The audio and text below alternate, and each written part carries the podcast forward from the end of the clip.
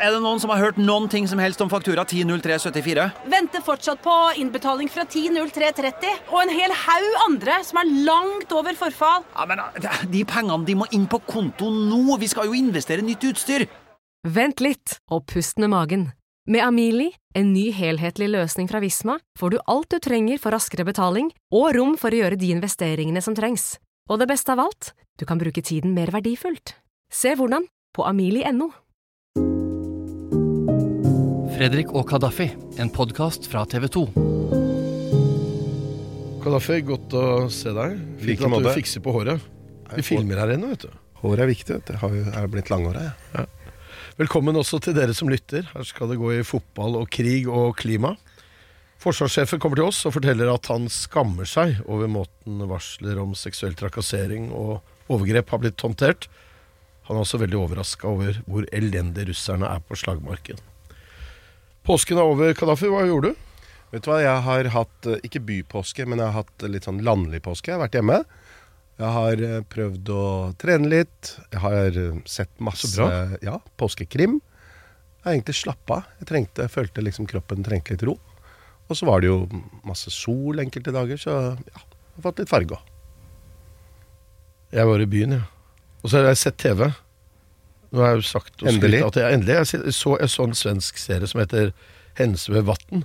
Ja, hvordan var den?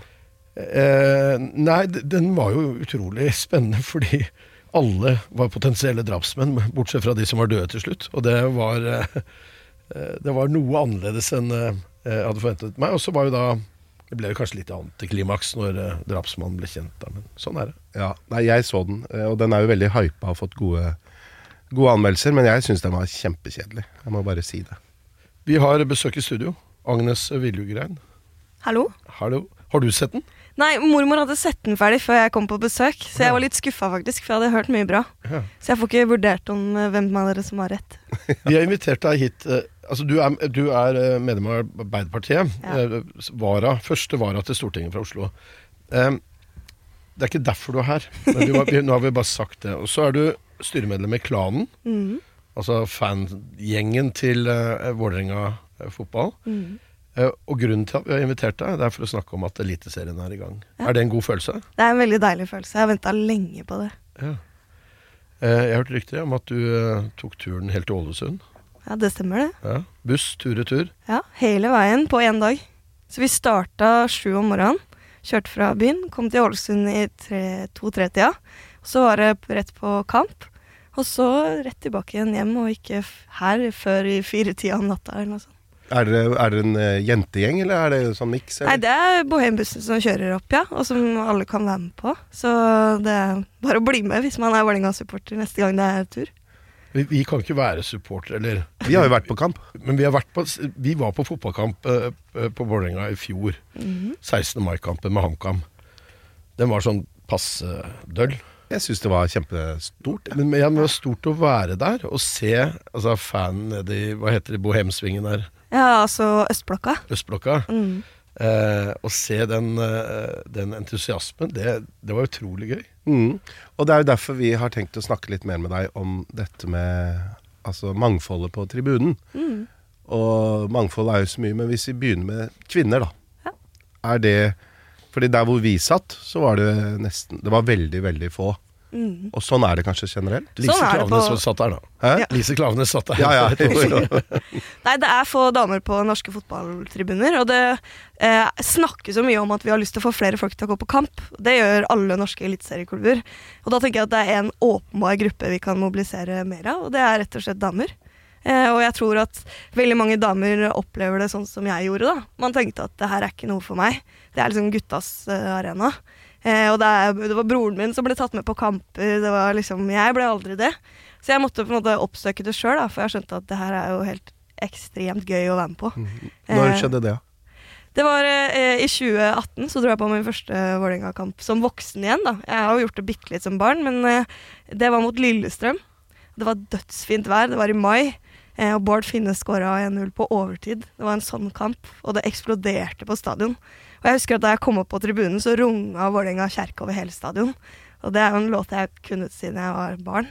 Og da skjønte jeg at eh, herregud, jeg er jo hjemme. Det er her jeg skal være. Og siden så har jeg bare blitt, blitt helt bitt av basillen, rett og slett, da, og gått mer og mer på kamp. Men hva skjedde da? Du, du tenkte, Dro du bare helt alene, eller samla du noen? Jeg fant liksom en vennegjeng da, som jeg visste at var litt interessert, som kanskje kunne tenke seg å gå. Så vi var noen jenter og noen gutter. Eh, og så var vi på den kampen, og så eh, var det helt rått. Så begynte jeg å sitte litt på langsida, men jeg skjønte jo veldig fort at eh, jeg er jo her for stemninga òg. Eh, så flytta jeg over på østblokka egentlig ganske raskt. Begynte å stå der.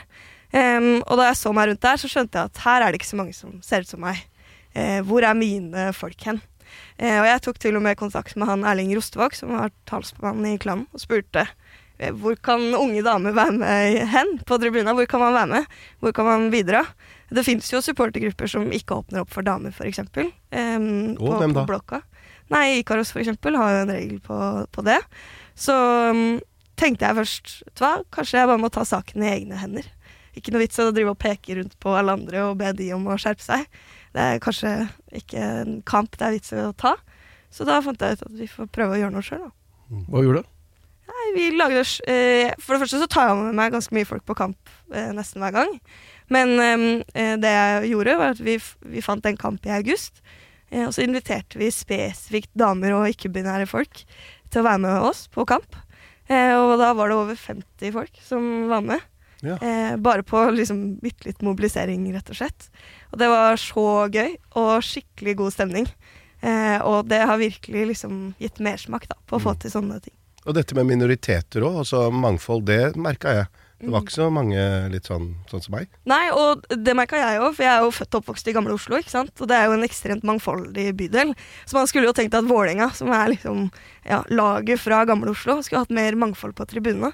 Så det er jo også noe jeg har vært veldig opptatt av å gjøre noe med.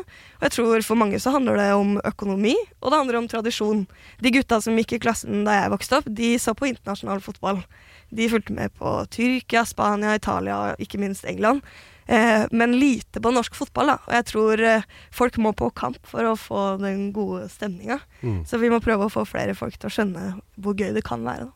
Men er det, hvordan er det i andre landa som vi kan sammenligne oss med? Er det flere kvinner på tribunene? Det er ikke inntrykket mitt, men eh, det finnes ganske mange supportergrupperinger som også eh, trekker til seg damer. Det finnes internasjonale organisasjoner til og med for kvinnelige fotballsupportere. Så det, det skjer en del ting i verden for å gjøre det. Men det, du kan jo si for oss som er damer, da, så er det jo litt dilemma. Skal vi mobilisere flest damer til å gå på herrekamp? Eller skal vi mobilisere damer til å også gå på damekamper, f.eks.? Eh, og denne sesongen så har jeg sagt at jeg skal gjøre mye for å også være på damene sine fotballkamper, for jeg syns det også er viktig. Men for meg så har jo herrene en helt spesiell betydning, det er ikke noen tvil om det. Du kan jo ta med Fredrik. Ja, du er hjertelig velkommen til å være med. Ja, Det er kjempespennende. Det er kamp på lørdag. Ja, jeg blir gjerne med. Ja. Be, ehm, nå var jo du på tribunen på, på åpningen, men så du noen av TV 2s sendinger? Vi er jo så heldige at vi har fått Eliteserien eh, hjem, som vi sier, da. Ja, det merkes eh, det. Jeg følger jo litt eh, ekstra med på Fantasy, faktisk. Selv om det er liksom kontroversielt blant supportere om vi skal drive med det eller ikke. Men det gjør jeg, og har jo fulgt litt med på tips og triks da, for å finne de riktige spillerne på laget. Nå fikk TV 2 litt kritikk for liksom, måten sendingen var lagt opp på, men, eh, men de justerte etter hvert, og så har de gått ut og lovet at det skal bli, bli bedre, sånn, som, sånn at det er mer sevennlig. Eh, hvordan tenker du Enga kommer til å gjøre det i Ah, jeg har nerver, ass. Jeg, ikke, jeg har ikke de største forhåpningene for sesongen. Men, eh, eh, Ikke men si det nå, så tidlig. Ja, litt. Vålerenga er jo et lag som eh, du er med på godt og vondt. Og som, det er ofte vondt, og ofte godt òg. men jeg har jo alltid håp og tro, og vi vant jo i Ålesund. Så alt kan jo skje med Vålerenga. Det er jo det som er det harde med å følge Vålerenga på kamp. Hva er laget ditt, da? Nei, jeg vil ikke ha et lag. Du ser ikke fotball, du bare sier det. Lyn! Lyn! Nei, nei. Det går bra. Det, der går grensa, Jeg har bodd faktisk. 30 år i Brann Nei, i Brann, i Bergen, så jeg tenker jo at Brann kanskje har vært et lag som jeg ufrivillig har pådratt meg. Men så mye smerte ønsker jeg ikke å bære videre i livet, så nå når jeg er kommet hjem til Oslo, flyttet hjem igjen, så tenker jeg jo kanskje at eh, vi ses på kamp. Det er veldig godt. Det godset her, iallfall. Takk for at du kom. Takk for at jeg fikk komme. Fredrik, eh, det er en ny dokumentar ute som du har lagd på TV2 Play om klima. Ja, den hadde premiere i påsken. Eh, det er en eh, dokumentar som heter Paradise, byen som forsvant. som handler om Jeg vet ikke om du husker det, men den byen i California som brant nesten helt ned til grunne. 19 000 bygninger brant ned Når da? i eh, 2018. November 2018. Så jeg var der, da. Jeg kom rett etter at brannen hadde feid gjennom byen, og folk var evakuert. Det var en helt tom by. Det var noen redningsmannskaper som gikk og leita etter eh, omkomne og eventuelt overlevende inne i byen da. Men eh, så var jeg der da, og så dro jeg tilbake igjen eh, seinere og møtte en del av de som nå er tilbake i byen for å bygge opp. Men det er altså en by som hadde nesten 30 000 innbyggere. Nå er det 6000 igjen. Det ser ikke ut til at den kommer til å bli noe særlig større. Folk er redd for nye branner. Det er så tørt gress der i skogen, og det har vært tørke i California i mange år. Så dette er klimaendringer? Ja, dette er en dokumentar om klimaendringene. Eh, Men det som var spesielt nå, var at jeg kom tilbake igjen, og så snakket jeg med han på gravlunden, for jeg ville at han skulle vise meg noen av de gravstøttene fra 2018. Eh, og så ble han utrolig rørt. Altså, han begynte å gråte. Når han fortalte om hvordan han hadde vært å begrave 85 mennesker fra sin egen by eh, i løpet av veldig kort tid, og deale med alle de som hadde så mye sorg og sånne ting. Eh, så det ble en eh, dokumentar som også inneholder eh, intervju med to nordmenn som var der. Forteller om de dramatiske dagene. Og en dokumentar med litt håp om at det faktisk er mulig å gjøre noe. Jeg snakket med Siri Kalvik, eh, meteorolog, tidligere værmelder i TV 2. Og hun forklarer at det er løsninger for å drive med karbonfangst og gjøre klimaet bedre. Eh, og at vi er nødt til å sette i gang, og at man trenger modige politikere.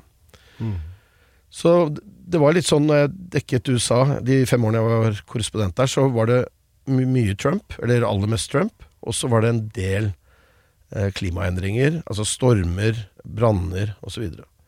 Du har jo også dekket eh, naturkatastrofe som følge av, av klimaendringene. Ja. Ja, jeg var jo på jobb eh, i høst, i fjor høst, og da ble vi sendt til Pakistan. Jeg og kollega Tom Rune Orseth. Um, og der var det en enorm flom. Og jeg tenkte ja ja, den er sikkert litt lik den flommen jeg dekka i 2010, som var stor. Men dette var noe helt annet. Altså, det var en tredel av Pakistan som lå under vann. Millioner av mennesker som var hjemløse. Og jeg husker vi, vi kjørte bil fra Lahore og kom, dro sørover da, til dette området som var verst ramma. Og det var helt grusomt. Der var familier som sov på asfalten, små, store. De hadde mista husene sine. De hadde mista eiendelene sine. Dette er fattige mennesker som ikke har noe penger på konto. Det de har, det var i huset. Alt var skylt bort. Eh, maten deres, avlingene. Nesten en million husdyr var borte. Så alt det de levde av og eide, var borte vekk. Og Hvordan der klarer de seg i dag? Nei, altså vet du hva, det, det er jo på en måte ofte, og det vet jo du bedre enn meg, altså jeg har så lyst til å dra tilbake og se hvordan det er nå, men det er grusomt, fordi den tragedien, eller den flommen, fikk ikke nok oppmerksomhet eh, i verden. Det var ikke mange norske redaksjoner som dro heller, og det de sa eh, var at denne flommen er helt annerledes enn det man har sett tidligere, fordi dette er et område som rammes av monsunregn, og det har man takla i tusenvis av år. Men for første gang så så man nå at isbreene i disse høye fjellkjedene i Pakistan, de smelta. Og når du får den smeltinga oppå monsunen, så fikk du en flom som, som var helt katastrofal. Eh, og det er jo på en måte ikke Pakistans skyld, da, for, for alle, alle de utslippene. Eh, så det viser jo på mange måter at det vi gjør, kanskje spesielt her oppe eller i de landene som står for store utslipp, at det får ma massive konsekvenser eh, andre steder. Så det var, nei, det var en trist, trist opplevelse. Skal vi snakke om noe annet? Fremling, hva døljer du for meg? Ja, Carola? Ja. Ja, hva har skjedd der? du. Eh, hun eh, har jo da vært uheldig. I, i, i hvert fall uheldig. Eh, hun har jo vært en av de som virkelig har snakket eh, varmt for å ta imot eh, nye landsmenn til Sverige. Men nå eh, har det vært mye skyting i det siste. Det er skyting hver eneste dag. Eh, det er flere mennesker som er skutt og drept bare i år. Og I Sverige. i Sverige.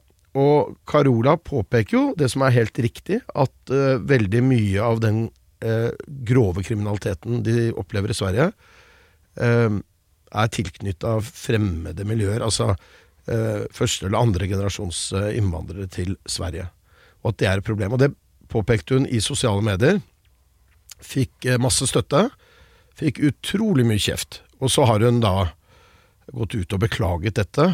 Um, men, men du har jo vært i Sverige. Du har dekket gjengkriminaliteten. Eh, noe av den grove kriminaliteten der. Ja, ja, i mange, mange år. Fortell meg hva de svenske tilstandene er.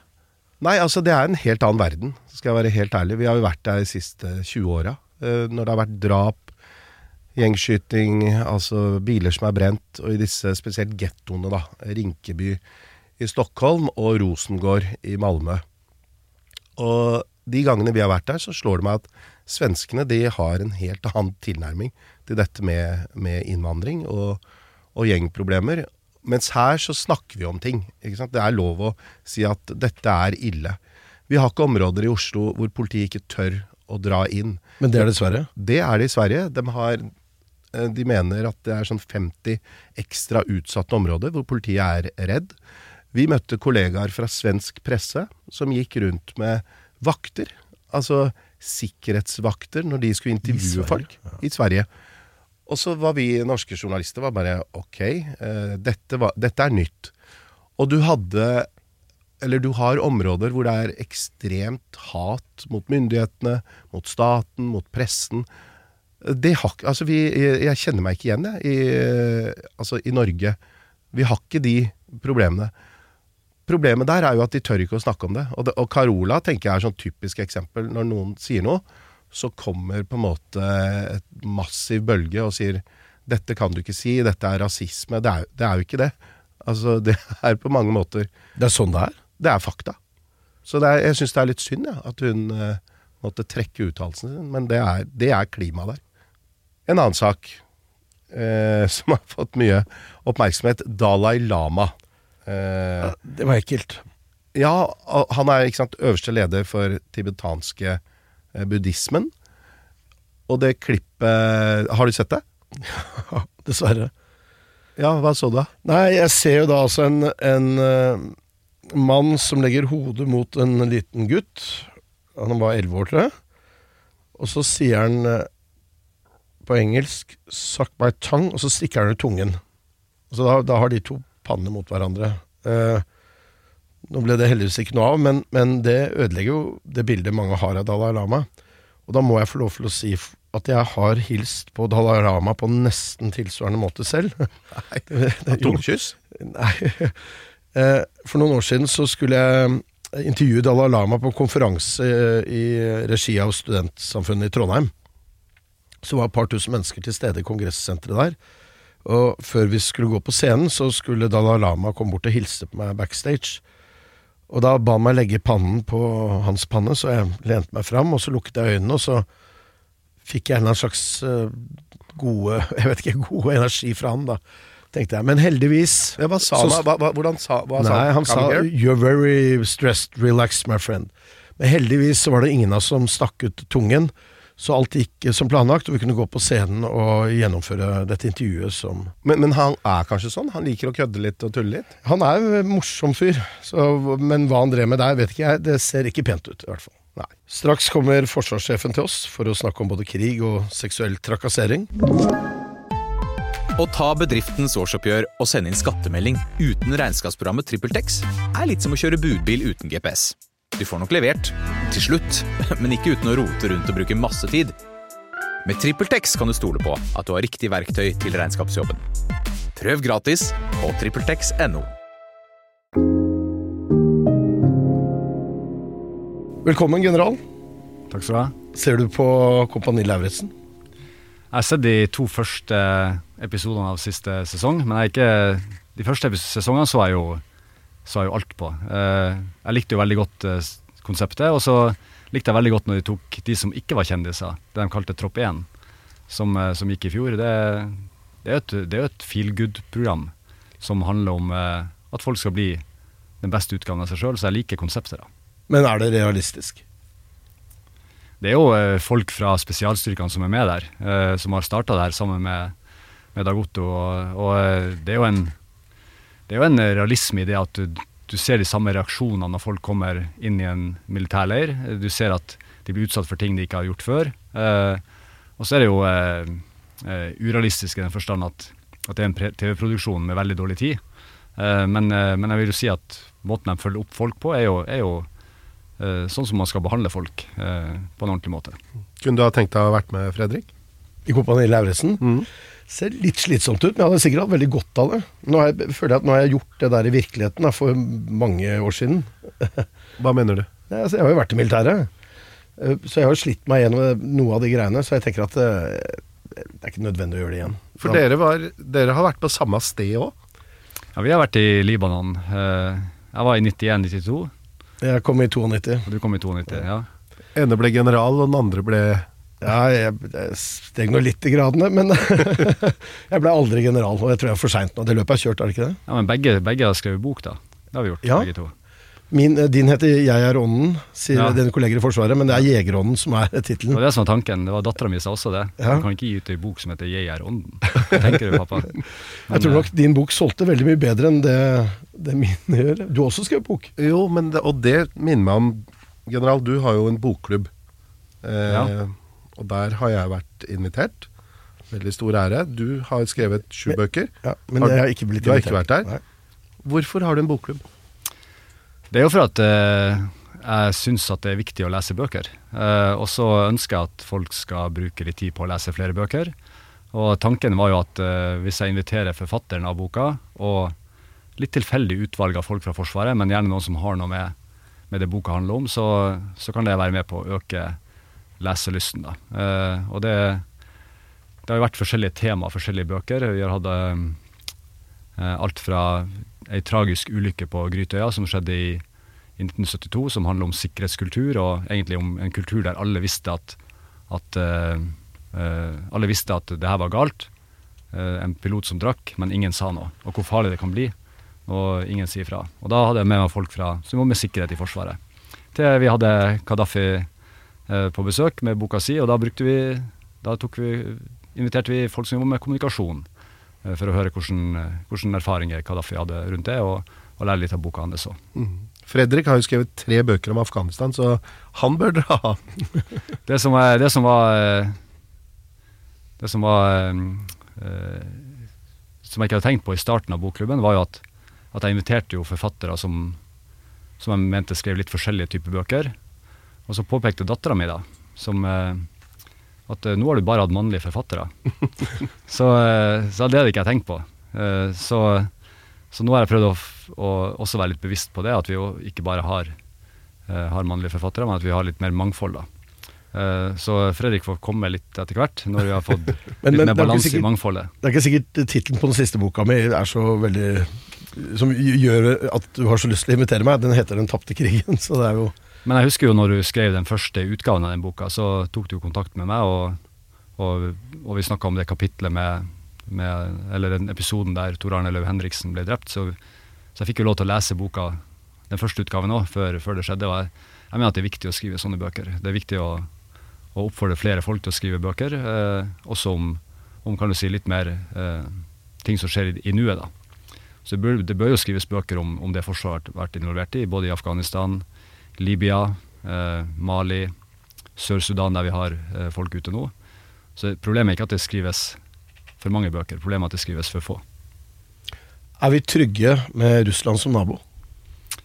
Ja, Vi er jo trygge eh, i Norge i dag, det vil jeg bare si fra om. Eh, men det er, det en tid nå der, der det er mer usikkerhet og uforutsigbarhet i verden. Eh, og Russland er en nabo av oss som har gått til krig mot et naboland. Eh, men jeg vil ikke si at det er utrygt i Norge nå. Men det vi ser fra Russlands side, er jo at, er at de eh, for det første har brukt eh, en veldig brutal militærmakt i Ukraina. Vi skal ikke overføre det direkte til vårt område, men samtidig ser vi at vi har et pressa Russland som, som har tatt store tap i Ukraina, begått det jeg vil kalle et strategisk stort feilgrep med, med krigen. Eh, som gjør at på en måte viktigheten av Norge øker også, fordi Russland har eh, Den gjenværende militærmakta si er jo først og fremst knytta til atomvåpen. Og de atomvåpnene er jo rett utafor eh, Norges grenser i nord, på Kolahalvøya. Og, og det, når det blir viktigere for Russland, så blir, også, så blir også vi viktigere i den sammenhengen. Det andre som har skjedd eh, siden krigen i Ukraina, er jo at Norge blir en viktig energileverandør til Europa, relativt sett viktigere nå enn vi var før krigen. Som også gjør at, at Norge blir mer interessant og viktig også for, for Europa, og, og, dermed også for Russland. Da. Så, så Norge sin viktighet som et, som et resultat av krigen i, i, Europa, sånn geostrategisk, har økt. Og det gjør at vi må, vi må tenke oss om, og vi må være forberedt på en langvarig periode med, med både usikkerhet og uforutsigbarhet. Men betyr det Altså er krig tenkelig, eller er det helt utenkelig? Ja, krig er ikke utenkelig. Eh, dessverre. Det er ikke det. Så, så krig er ikke utenkelig. Eh, eh, altså krig mot at Russland kan angripe Norge? Det er jo veldig lite sannsynlig at det skal skje, men jeg vil jo aldri si at det er utenkelig. Eh, men det som er, er utfordringa til Russland, er jo at de er, er militært betydelig svekka eh, pga. krigen i Ukraina. Eh, så, og styrkeforholdet mellom, mellom, Nato og Russland er jo i Nato sin favør. Eh, så, eh, så, det ville vært et stort feilgrep av Russland også å gå til krig mot Norge. Men de gikk til krig mot Ukraina, eh, som også er et feilgrep. Så, men, men, nå har det jo vist at de ikke er i stand til å, å, slå Ukraina på slagmarken. De vet jo at de ikke kan ta på seg Nato. Det som, er, det som jeg tror vi kommer til å se fremover, er jo en, en situasjon der, der, der denne usikkerheten i forhold til Russland kan komme til syne på andre måter enn tradisjonell krig. da. Så Russland bruker jo ikke, bruker jo ikke makt i den, bare i den tradisjonelle forstand. De bruker hele statens maktmidler. Både diplomati, informasjonsoperasjoner, økonomisk makt, militærmakt. Så vi kan se større forsøk på det vi kaller undergraving eller påvirkning, eh, også mot, eh, mot, Norge i fremtida. Så var du inne på det med, med at Norge er gassleverandør til Europa. Um, og det er vel et av de kanskje mest sårbare punktene? Ja, Vi har brukt mye tid på det her etter, etter Nord Stream spesielt, men også før det. Det er eksplosjonen i, i, ja, i Østersjøen. Eksplosjonen i Østersjøen. Så, så, vi har jo økt årvåkenheten og tilstedeværelsen i Nordsjøen. Vi har eh, støtta også med å søke alt av infrastruktur. Eh, både uh, under vann, men også å sikre på landjorda. Eh, sånn at vi har et, i hvert fall et eh, godt bilde av, av at uh, ting er, er, greit nå. Og så følger vi nøye med på, på all aktivitet som skjer rundt, rundt både nor norsk olje og gass, norsk energiforsyning til Europa. Sånn at vi, vi, har et normalbilde av hva som foregår. Men eh, gjennom karrieren og du, altså, eller utdanninga og på en måte erfaringa Alt det du trodde du visste om Russland, ble du overraska over hvor dårlig de er på slagmarken? Ja, det er jo eh, sterkt å bruke ordet overraska, men jeg må si at jeg gjorde det. Altså, jeg hadde forventa at uh, Russland, med det styrkeforholdet som var eh, øst i Ukraina, at de skulle være bedre militært. Det tror jeg vi alle hadde trodd. Altså, vi, hadde jo, vi har jo fått rapporter om et modernisert og fleksibelt og, og mer eh, moderne forsvar på russisk side de siste årene. Og vi har sett det siden, spesielt siden 2017, kanskje, med aktivitet i våre områder, der de der de på en annen måte kombinerer land- og sjø- og luftstyrker enn det vi har sett tidligere. Og Så kommer de til Ukraina, og så, og så, det, og så går det ordentlig dårlig. Eh, av forskjellige grunner. Det ene er nok at eh, statusen på det russiske forsvaret var dårligere enn vi trodde. Og det var dårligere også enn president Putin trodde. Så eh, et hierarkisk korrupt, fryktbasert eh, militærvesen har medført at de har garantert underrapportert statusen på egne styrker.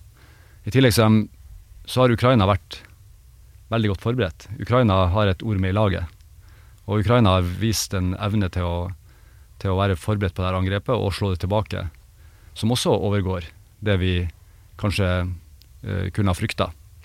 Så vi må gi Ukraina en stor, eh, stor del av æren, og ikke bare skylde på at Russland har gjort det dårlig. Eh, for at, Ukraina har, vist evne til å slåss på en helt annen måte enn en, en vi så i, i 2014. da. Mm. Og så ser vi jo at russerne de kjemper jo med en dødsforakt for egne eh, liv. Eh, de blir jo sendt eh, inn i strid som, som de vet kommer til å koste mange av egne soldater livet. Ja, det, det, er flere ting å snakke si om. Det, det, det, ene er at den russiske det vi kaller logistikken, altså måten de forsyner styrkene sine med ammunisjon og drivstoff og, og, og mat, eh, har vært langt under pari, sånn militært sett. Det andre er at de har eh, heller ikke vært gode på det vi kaller sanitet, altså det å evakuere skadde, eh, ta med seg sine døde eh, tilbake fra fronten. Vi har sett bildene, de ligger igjen, russiske soldater, som er og Alt der undergraver jo moralen til, til, de, til de russiske soldatene. Og de russiske soldatene, tenker jeg, de har ikke helt forståelse av hvorfor de er der de er, og hvorfor de ikke får de forsyningene de trenger for å kunne slåss denne krigen. Og det, det er jo heldigvis sånn for uh, vår og Ukraina sin del at de, de gjør det veldig dårlig. Og det, det dør veldig mange russiske soldater, og mange blir skadd, og de skadde blir heller ikke godt behandla. Hva tenker du det gjør med motivasjonen til eh, de andre? Ja, Det er jo, det er jo den usikkerheten vi står overfor òg. Eh, sånn rent militært nå, så, så er det jo en, en stillingskrig langs frontlinjen. Eh, skyttergraver på begge sider, eh, forsvarsstillinger. Men men det kan jo skje ting som gjør at krigen endrer seg raskt. F.eks. en eh, det du indikerer med en, med en kollaps i, i, i russisk moral. Da. Jeg bare tenker på en annen krig, eh, og dette med kampvilje. Afghanistan. Du var jo med fra ganske tidlig av. Eh, og det gikk jo ikke så bra på slutten. Hva tenker du om det? Ja, en, av de, en av de feilene vi gjorde i Afghanistan, var jo at vi eh, altfor seint begynte å trene opp afghanske styrker. Eh, Istedenfor å fokusere ordentlig på det og la afghanerne sjøl få drive denne eh, kampen mot, eh, mot Taliban, som det var, etter at Al Qaida var, var slått, så tok de vestlige styrkene på seg den oppgaven.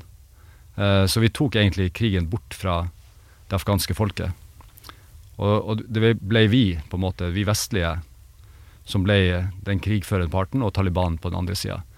Så jeg, jeg mener at det afghanske folket og de afghanske soldatene fikk aldri det eierforholdet til hva kampen her handla om, som de burde hatt. Uh, og det gjør jo at, uh, at når vi begynte å trekke ut, uh, så var det jo sånn at de afghanske soldatene de vant jo hver gang vi var med dem. Men når vi ikke var med lenger, da tok Taliban raskt over.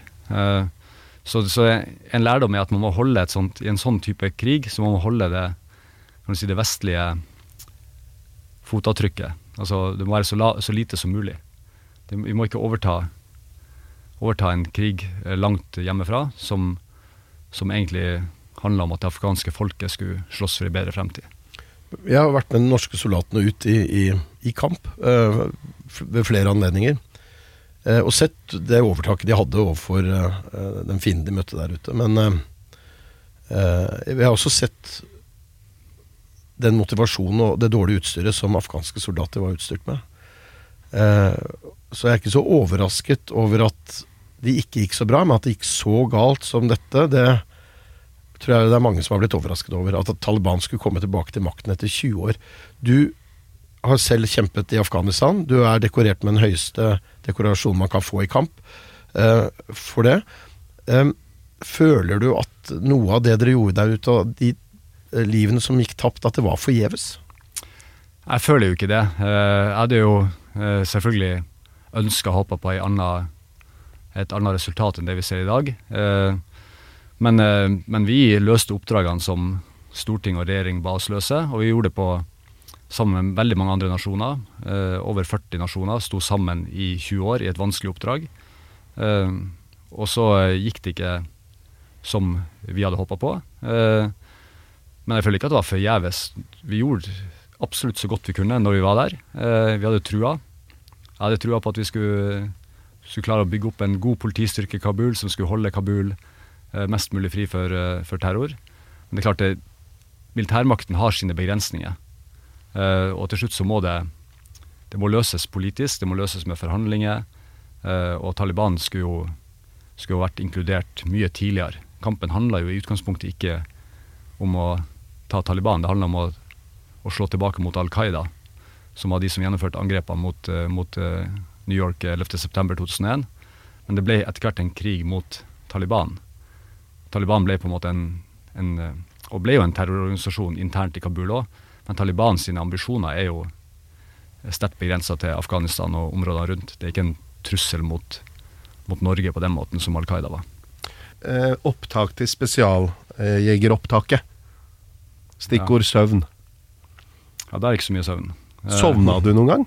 Ja, ja, selvfølgelig. Altså, Ja, men det, var, det er en jeg historie var, der. jeg var på opptak i 99, og, og eh, det ene marsjen vi skulle gå, som var Vi visste jo aldri hvor langt vi skulle gå, men den skulle tydeligvis vare i minst 24 timer. Og vi gikk jo fra, fra topp, fjelltopp til fjelltopp opp i, eh, i fjellområdene nord for, for Rena. Og på et tidspunkt så, så, så, så møtte jeg en annen en, og så sa han nå setter vi oss ned i lyngen, da. Og jeg sovna jo med en gang.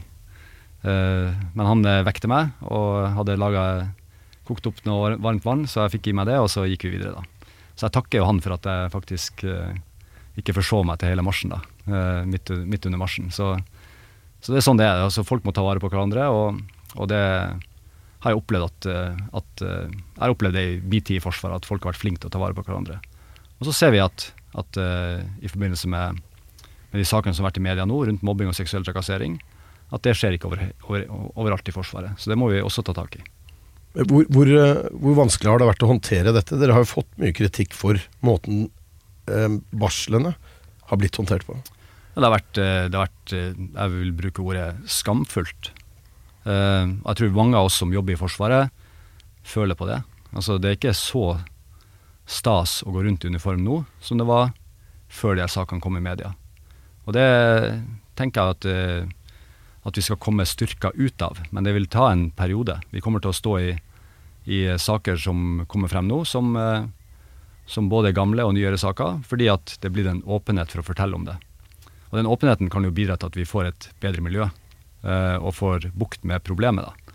Og det er jo ambisjonen vår. Men jeg ser jo at, at det vi har prøvd i mange år, nemlig at jeg skal, de tiltakene vi har iverksatt skal liksom håndteres i det vi kaller linja, da, på sjefer på alle nivå, har ikke vært nok. da. Så vi må forsterke innsatsen. Og Derfor har jeg prioritert nå å ta en general, da, eh, sjefen for Heimevernet, eh, og sette Elisabeth Mikkelsen, og heldigvis har hun takka ja, til å jobbe enda mer systematisk med det her, for å forsterke all den gode innsatsen og begynne å måle effektene av det vi gjør. For jeg mener vi har ikke noe valg. Det her handler om tillit internt, det handler om tillit eksternt, og det handler om å, først og fremst om å få bukt med, med tilfellene eh, og håndtere dem på en bedre måte hvis de dukker opp. Forstår du hvorfor eh, en del foreldre vil være betenkelige med å, å la sine døtre søke seg inn i Forsvaret? Eller vil fraråde de fra å gjøre det? Ut fra, ut fra medieomtalen så forstår jeg det. Eh, men ut fra min innsikt i Forsvaret så er jeg ikke bekymra. Så jeg vil jo si til alle at uh, vi trenger de her kvinnene i Forsvaret nå mer enn noensinne. Og, og hvis, eh, så har jeg også invitert alle media, mediehus i Norge til å besøke hvilken avdeling de vil egentlig i Forsvaret, eh, når som helst. Eh, bare passe på at det passer med tjenesten, og snakke med folk hvordan det jobbes med det her i hele Forsvaret nå.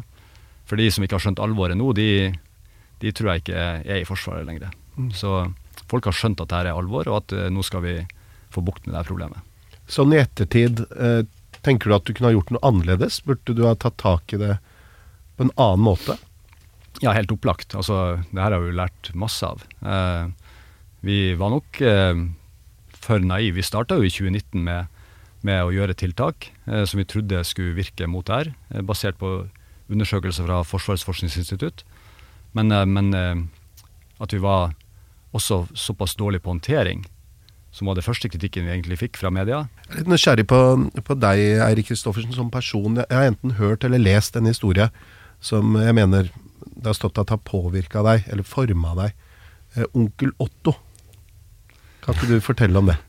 Ja, det, er- det er jo en eh, historie som, eh, om, som handler om bestefaren min, først og fremst. Eh, eh, han døde jo da jeg var ganske ung, men jeg hørte han fortelle historien. Og det handler om, om at eh, hjembygda mi, altså Bjerkvik, ble jo befridd da, fra en tysk okkupasjon eh, 13. mai 1940, med en stor landgang med britiske skip, franske fremmedlegionærer som gikk i land. Eh, norske styrkene slåss lenger nord for Bjerkvik.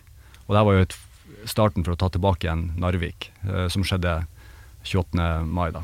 Så eh, i, der, i denne landgangen i Bjerkvik så, så ble Bjerkvik bomba av de, eh, av de allierte som kom skulle gå i land, fordi man trodde at eh, de tyske styrkene var til stede og sivilbefolkninga var borte.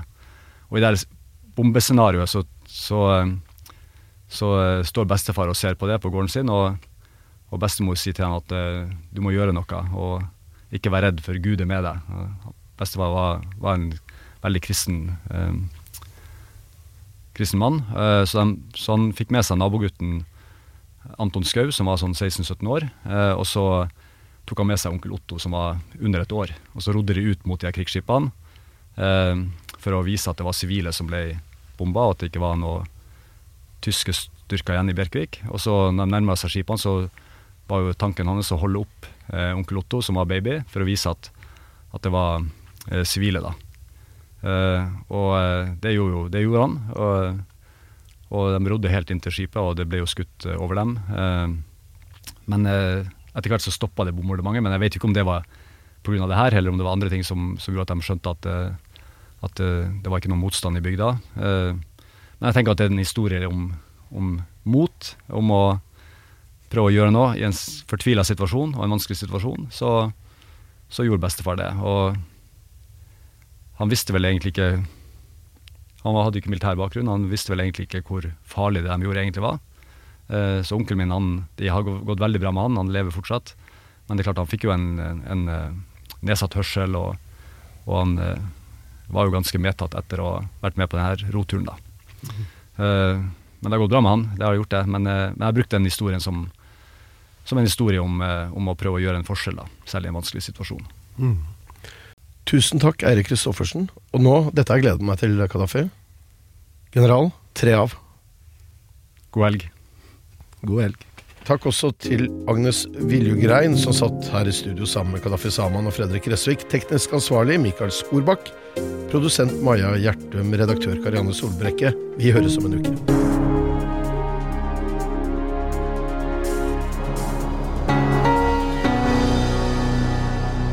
Denne podkasten er produsert av Bauer Media for TV 2.